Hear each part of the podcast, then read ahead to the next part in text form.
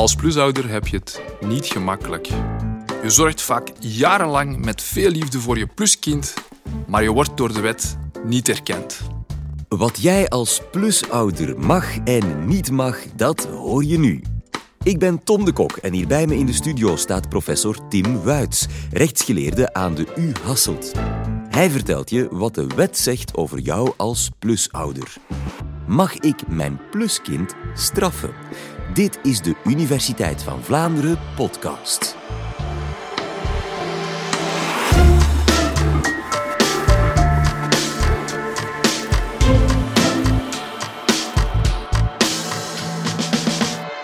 U bent de enige dames hier in huis, hoop ik. Uh, neem ik aan. Er is niemand meer. Iedereen kent wel het sprookje van Assepoester en de boze stiefmoeder. Mag ik hem passen?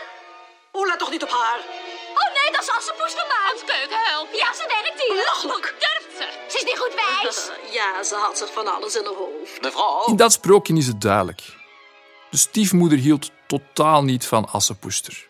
Dat is het prototype van stiefmoeder dat we hebben in ons collectief geheugen. Maar gelukkig strookt dat niet altijd met de realiteit. Heel vaak is het zo dat stiefmoeders, stiefvaders of plusouders, zoals we nu zeggen, een goede band hebben met hun pluskind. Dat ze er mee zorg voor dragen. Dat ze het pluskind helpen bij het schoolwerk. Dat ze leuke dingen samen doen. Toch moeten we ons hier de vraag stellen: mag je als plusouder je kind wel straffen? Jij doet iets, dus er zijn er ook gevolgen aan. Mag je bijvoorbeeld het verbieden om naar een fuif te gaan? Of minder negatief, mag je ermee naar de kapper gaan? Mag je als plusouder tegen de kapper zeggen welk kapsel het pluskind moet krijgen? Heel kort toch? Nee. Nee? Of moet je mee instaan voor het pluskind? Ben je er ook mee verantwoordelijk voor? Wat ben je nu eigenlijk als plusouder voor dat kind? Ik ben jurist en los van de verhoudingen, de goede of slechte banden die er zouden bestaan tussen een plusouder en een pluskind, ga ik hier de rechten en plichten van plusouders toelichten. En nu ga ik iets vertellen dat jullie waarschijnlijk nog niet wisten. Plusouders hebben geen statuut. Wat? Wat wil ik daarmee zeggen? Dat het begrip plusouder nergens in het recht voorkomt. Dat betekent dat er geen rechten en geen plichten aan het plusouderschap zijn gekoppeld. Dat betekent concreet dat je juridisch bekeken je pluskind niet kan opleggen wanneer het moet gaan slapen, wanneer het moet opstaan, welk kapsel het moet dragen, wanneer en hoeveel het op de computer mag spelen of met de gsm bezig mag zijn. Je mag het huiswerk niet controleren en de lessen. Je kan het ook niet straffen als het stout zou zijn. Natuurlijk, in de praktijk durven plusouders dat wel doen, maar altijd met stilzwijgend akkoord van de ouder die daar het laatste woord over houdt. Het gaat nog veel verder. In principe kan een plusouder het pluskind niet inschrijven in een school. Of het kan het ook niet meenemen naar de kerk of moskee. Of niet naar de tandarts met het pluskind gaan. En stel dat de plusouder met jouw kind naar de McDonald's gaat om ongezond daar te gaan eten. Wel, dan kan je als ouder dat altijd aankaarten en verbieden. Of bij oneenigheid tussen de ouders over welke studierichting het kind moet volgen. Wel nu, de mening van de plusouder is niet belangrijk. Jouw mening wordt dus niet gevraagd. Je mag zelfs geen informatie opvragen over de schoolresultaten of over medische gegevens. In de praktijk komt er over dat soort van zaken wel veel conflicten voor. En juridisch is het nu eigenlijk al duidelijk. De plusouder trekt altijd aan het kortste eind. De plusouder kan zelfs niet naar de familierechtbank stappen om eventueel een conflict voor te leggen. Ik kan begrijpen dat dat voor sommige plusouders heel pijnlijk kan zijn. Sommige plusouders hebben jarenlang de zorg over het kind opgenomen, hebben er boterhammetjes voor gesmeerd, hebben er een hechte band mee ontwikkeld, alsof het een eigen kind zou zijn. En dan kom je uiteindelijk tot de vaststelling dat je mening als plusouder niet telt. Er is ook een andere kant. plusouders hebben geen rechten, maar daartegenover staat ook dat ze geen plichten hebben. In principe moeten ze niet meebetalen voor de kledij, voor de schoolrekeningen, voor de doktersbezoeken. Ik moet dat wel nuanceren. Er bestaat een uitzondering. Namelijk als de plusouder gehuwd zou zijn of wettelijk samenwoont met een ouder. In dat geval moet de plusouder, die wettelijk samenwoont of gehuwd is, bijdragen naar vermogen in de opvoedingskosten van het pluskind. Dat wordt opgevoed binnen het gezin. Maar dat komt niet omdat het een plusouder is. Dat komt omdat de plusouder gehuwd is of wettelijk samenwoont met een ouder. Stel dat de ouder waar de plusouder mee samenwoont of gehuwd was, komt te overlijden, dan kan het kind na het overlijden van die ouder de plusouder aanspreken om bij te dragen in de kosten van de opvoeding. En dit maximaal ten beloop van de voordelen die die plusouder van de overleden ouder zou hebben ontvangen, bijvoorbeeld bij testament of schenking of het huwelijkscontract. Maar nogmaals, dat is omdat je gehuwd bent of wettelijk samenwoont met de ouder. Want, ik herhaal het nogmaals, plusouders hebben op zich geen rechten en plichten. Je vraagt u dan misschien af waarom hebben plusouders geen rechten en plichten? Wel, dan zijn er twee belangrijke aspecten in het recht dat ik moet toelichten. In eerste instantie is het zo dat wettelijk bekeken een kind maximaal twee ouders kan hebben. Daar kom ik later nog op terug. En het ouderschap, de rechten en plichten die gekoppeld zijn aan het ouderschap, daarvoor is vereist dat er eerst een afstammingsband is vastgesteld. Dat betekent dat je meestal een biologische band hebt met het kind, of dat die afstammingsband automatisch is vastgesteld omdat je op tijdstip van geboorte van het kind gehuwd was met de moeder, of omdat je het kind hebt erkend met instemming van de moeder. En het kan ook zijn dat je het kind hebt geadopteerd.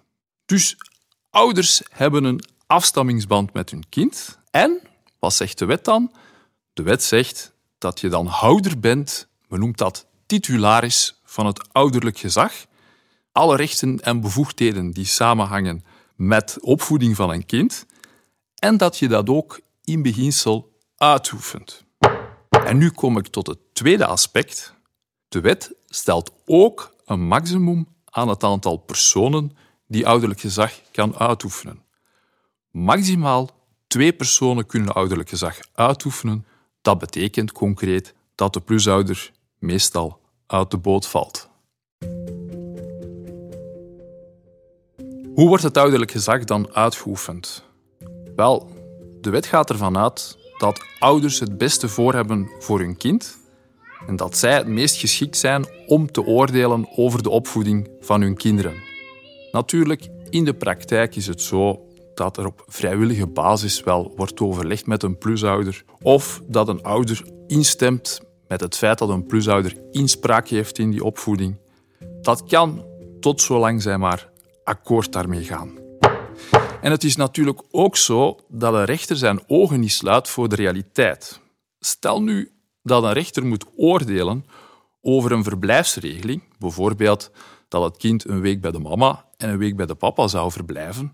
Wel nu, om na te gaan of die regeling wel haalbaar is, zal de rechter vragen: zijn er plusouders? Plusouders die eventueel het kind kunnen gaan ophalen van school of het kind kunnen opvangen wanneer een ouder niet beschikbaar zou zijn.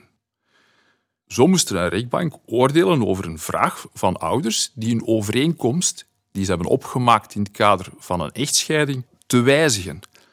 De vraag was: rechtbank, wilt u alstublieft een clausule uit onze overeenkomst die bepaalt dat wanneer een ouder afwezig is, het kind naar de andere ouder moet, wilt u die schrappen? Waarom? We hebben ondertussen alle twee al een plusouder, een nieuwe partner. En die kan voor het kind zorgen wanneer wij ziek zouden zijn of verhinderd. De rechtbank heeft dat toen ook ingewilligd. Kan ik dan als plusouders geen rechten en plichten verkrijgen? Wel, om als plusouder rechten en plichten te verkrijgen, moet je eerst ouder worden van een kind. En dat is niet zo evident. Stel dat er maar één ouder is en de andere ouder is bijvoorbeeld overleden, onbekend of wil helemaal niets te maken hebben met het kind. Er is dus maar één afstammingsband. In dat geval kan je als plusouder met instemming van de ouder die al een afstammingsband heeft, het kind erkennen. In alle andere gevallen ga je als plusouder het kind moeten proberen te adopteren. Bijvoorbeeld de ouder is overleden, kijkt er niet meer naar om, vormt een gevaar voor het kind, telkens als het in het belang is van dat kind. En er zijn twee vormen van adoptie. Er is aan de ene kant de volle adoptie en aan de andere kant de gewone adoptie. Bij een volle adoptie is het zo dat de plusouder volledig in de plaats komt van één van beide ouders. En neemt eigenlijk die ouderrol volledig over en het kind wordt ook volledig geïntegreerd in de familie van die plusouder. Dat heeft tot gevolg dat plusouder samen met ouder dan, de ouder met wie de plusouder samenwoont of gehuwd is, het ouderlijk gezag zal uitoefenen. Bij gewone adoptie komt er een ouder bij, maar dan enkel de plusouder. Het kind wordt niet in de familie van de plusouder geïntegreerd, enkel de afstamming ten opzichte van die plusouder wordt vastgesteld. Maar, zoals ik al aangaf, er kunnen maar twee personen ouderlijk gezag uitoefenen. De plusouder zal in dat geval het ouderlijk gezag van één van beide ouders, namelijk de ouder met wie hij niet samenwoont of niet gehuwd is, overnemen. Maar zou je als plusouder wel beginnen aan een adoptie? Dat is een vraag die ik wel af en toe krijg. En de reden is, dat is niet zo eenvoudig. Daarvoor moet je een procedure doorlopen voor de familierechtbank. De familierechter moet je bekwaam en geschikt achten om een kind op te voeden. En de ouders moeten ook instemming geven. Ook het kind, dat ouder is dan 12 jaar, moet ermee akkoord gaan. En de rechter moet dan nog van oordeel zijn dat het in het hoger belang is van het kind dat er een adoptie tot stand komt. Je hoort het, niet eenvoudig en bovendien ook heel onzeker. En rechters zullen in die situatie ook heel zelden een volle adoptie toestaan, omdat ze heel terughoudend zijn met het doorknippen van banden met de oorspronkelijke familie. En zeker na een echtscheiding of een scheiding tussen de ouders. Komt het dan niet voor? Toch wel. Ik ben even gaan kijken naar de verslagen van de Vlaamse Centrale Adoptieautoriteit. En wat blijkt, in 2019 zijn er 162 aanmeldingen geweest van plusouders die willen hun kind adopteren. Maar ik kan mij voorstellen dat dat in vele gevallen een stap te ver is.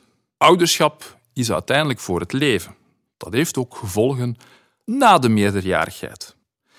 En we moeten ons ook de vraag durven stellen: hoe denken de pluskinderen daar zelf over? Heel vaak beschouwen die hun plusouder niet als hun biologische ouder.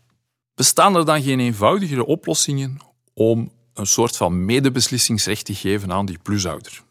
Nee, er zijn twee personen die het ouderlijk gezag uitoefenen. En er bestaat ook geen mechanisme om ervoor te zorgen dat plusouder met een ouder dat ouderlijk gezag samen kan uitoefenen.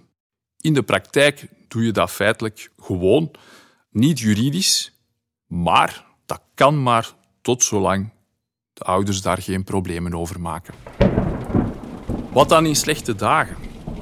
Ja, het is dan pas dat heel veel mensen beginnen te denken van wat zijn nu mijn rechten en plichten? Bijvoorbeeld, je scheidt uit de echt, of de ouder met wie je samenwoont of gehuwd bent komt te overlijden. Wat dan? Moet je dan nog opdraaien voor je pluskind? Kan je je pluskind nog wel zien? Laat ons starten met de hypothese van een scheiding. In dat geval is het zo dat een plusouder geen onderhoudsverplichtingen meer heeft ten opzichte van zijn pluskind. Je kan die natuurlijk wel nog vrijwillig opnemen. Kan je dan nog contact onderhouden met je kind? Als de ouder dat toestaat, geen probleem. Dan spreek je dat onderling af. Maar ik kan mij voorstellen dat dat in veel gevallen niet mogelijk is. Wat zegt de wet dan? De wet zegt: iedere persoon die een bijzonder affectieve band heeft met het kind, die heeft een recht op persoonlijk contact met dat kind. En hoe bewijst een plusouder dat? Wel, dat gebeurt vrij eenvoudig door aan te tonen dat hij al jaren mede zorg gedragen heeft over het kind, dat hij samenwoont met het kind. Dat wordt soepel geïnterpreteerd door de rechter. Wat gaat de familierechtbank dan doen? Want het is tot de familierechter dat je u dan moet wenden als plusouder. Wel, de familierechtbank gaat dan in eerste instantie nagaan of die uitoefening van het ouderlijk gezag niet strijdig zou zijn met het belang van het kind. Als dat zo is, dan zal die een regeling treffen. En meestal is dat een regeling van één dag of een halve dag om de veertien dagen. Of eventueel via de digitale kanalen, dat kan ook natuurlijk. Ik wil erop wijzen dat zo'n scheiding niet alleen gevolgen heeft voor een plusouder, maar dat dat toch ook een heel belangrijke impact heeft op veel pluskinderen. Misschien niet alle pluskinderen, maar toch, het kan voor hem of haar ook belangrijk zijn om na een scheiding toch nog contacten te kunnen onderhouden met uh, de plusouder. Probleem is dat vandaag een minderjarige in ons recht handelingsonbekwaam en procesonbekwaam wordt beschouwd. Dat betekent dat het pluskind het niet zelf kan vragen. En ik geef een voorbeeld van een getuigenis uit een studie van de Koning Boudewijn Stichting van 2008. Een jaar geleden is mijn vader gescheiden van mijn stiefmoeder en ik zie haar nog een maandag op twee. Maar alle vrienden vinden het vreemd dat ik haar nog zie. Maar ik heb toch zes jaar met haar samengewoond. Ze betekent nog veel voor mij. En het doet mij goed om haar te zien. Wat zegt de wet dan bij overlijden? Stel nu dat de ouder met wie je samenwoont als plusouder komt te overlijden. Dan bepaalt de wet dat de langstlevende ouder exclusief het ouderlijk gezag zal uitoefenen. En dat betekent concreet dat het kind uit je gezin wordt weggerukt en overgeplaatst naar die langstlevende ouder. Ik geef een voorbeeld uit rechtspraak. Een meisje van zeven jaar verloor haar moeder door ziekte. Ze was tot die leeftijd samen opgevoed door haar moeder en plusvader in hetzelfde gezin. En de plusvader vraagt aan de rechtbank om het meisje bij hem te mogen houden en het ingeschreven te laten in de school waar dat ze tot dan toe de lessen volgde. De rechtbank oordeelde dat de vraag die die plusouder stelde eigenlijk een vraag was van ouderlijk gezag. En aangezien de plusouder geen ouderlijk gezag mag uitoefenen, werd zijn vraag afgewezen. Gelukkig gebeurt dat niet altijd. Er zijn rechters die soms wel rekening houden met de gevolgen in zo'n geval voor het kind. Het plots wegrukken uit een gezin waar het tot dan toe is opgevoed, kan voor een kind heel wat psychologische schade berokkenen. Is er dan nooit nagedacht over een statuut voor plusouders? Toch wel, maar de opvattingen zijn heel uiteenlopend en we spreken hier ook over heel uiteenlopende situaties. Sommigen zijn van oordeel dat een statuut voor plusouders alleen maar zal leiden tot meer conflicten, meer zaken voor de rechtbank. Ze zijn ook van oordeel dat het recht, dat eigenlijk vandaag al zo complex is, alleen maar complexer zal worden. En ze vragen zich ook af: is dat nu echt wel nodig om zo'n statuut te creëren? Volstaan de mechanismen die we vandaag in het recht hebben, volstaan die niet? Er zijn er ook die zeggen: ja, maar het zorgt ook voor veel bijkomende stress voor een ouder, die het gevoel krijgt dat er iemand is die die opvoeding wil overnemen. Aan de andere kant zijn er ook die zeggen: ouderlijk gezag moet eigenlijk gewoon op maat kunnen gemaakt worden van ieder gezin. En we moeten durven erkenning geven aan de rol die een plusouder vervult in de praktijk voor dat kind. En dat is ook in het belang van dat kind zelf. Heeft een plusouder iets te zeggen in de opvoeding van een pluskind? Mag je meebeslissen waar het naar school gaat, hoe laat het in bed moet, of het gestraft moet worden? Het antwoord is nee. Een plusouder kan niet het kapsel van het pluskind bepalen. En als het stout zou zijn, dan mag je niet bestraffen door het te verbieden om naar een vuif of een verjaardagsfeest te gaan. Dankjewel, professor Wuits. Ze zullen het graag horen, die pluskinderen, dat uh, plus mama of plus papa hen niks mag verbieden. Hopen dat ze deze podcast niet tegen hen gebruiken. Het is geen probleem tot het een probleem is. Dat heb ik onthouden. Dat gaat natuurlijk vaker zo in het recht. Um, wedersamenstelling komt in onze maatschappij meer voor dan vroeger. Heb jij het gevoel dat um, onze wetten mee geëvolueerd zijn? Of is daar toch nog wat werk aan de winkel? Um, onze wetten in België evolueren wel en volgen wel, maar het duurt meestal wel traag. We lopen vaak een beetje achter op de feiten. Niet altijd, maar toch vaak. Um, ik denk voor nieuw samengestelde gezinnen dat er ruimte zou moeten bestaan om aan de plushouder toch een aantal bevoegdheden te geven. Enkele jaren geleden is er een statuut voor pleegzorgers in het leven geroepen. Dat zijn mensen die de opvoeding tijdelijk van de oorspronkelijke ouders overnemen. En wat zegt dat statuut? Dat zegt van zodra dat, dat pleegkind in het pleeggezin wordt opgenomen, dat dan die pleegzorgers alle dagelijkse beslissingen over het kind mogen nemen en ook de dringende nood noodzakelijke medische beslissingen bijvoorbeeld. En bij overeenkomst kan men zelfs verder gaan kan perfect een overeenkomst sluiten tussen de ouders en die pleegzorgers om te zeggen dat die pleegzorgers ook nog wat meer mogen dan alleen maar beslissingen over die dagelijkse handelingen. Ja, dan, dan stel ik mij de vraag van waarom zou er geen statuut voor plusouders in het leven kunnen worden geroepen? Natuurlijk, iedere situatie is anders en het kan zijn dat, je, ja, dat, die, dat de plusouderschap maar tijdelijk is en dat het ook je, eh, weinig stabiel is. Dat kan allemaal, maar er zijn zeker en vast situaties waar dat het eigenlijk al wat uitgevlakt is en waar het ook in tijd voldoende lang duurt dat je zegt van ja, is misschien toch nuttig, zowel voor erkenning van de rol van plusouder als het belang van het kind, dat ja, misschien plotseling met een breuk tussen de plusouder en de ouder wordt geconfronteerd en dan geen contacten meer kan hebben met die plusouder. Dus ik denk dat er nog wel wat werk aan de winkel is. Dankjewel, professor Tim Wuits. Wil jij jouw vraag ook eens beantwoord horen in deze podcast? Dat kan. Bel ons op 0480 60 82 11 en laat een berichtje achter op onze voicemail. Heel graag tot een volgende keer.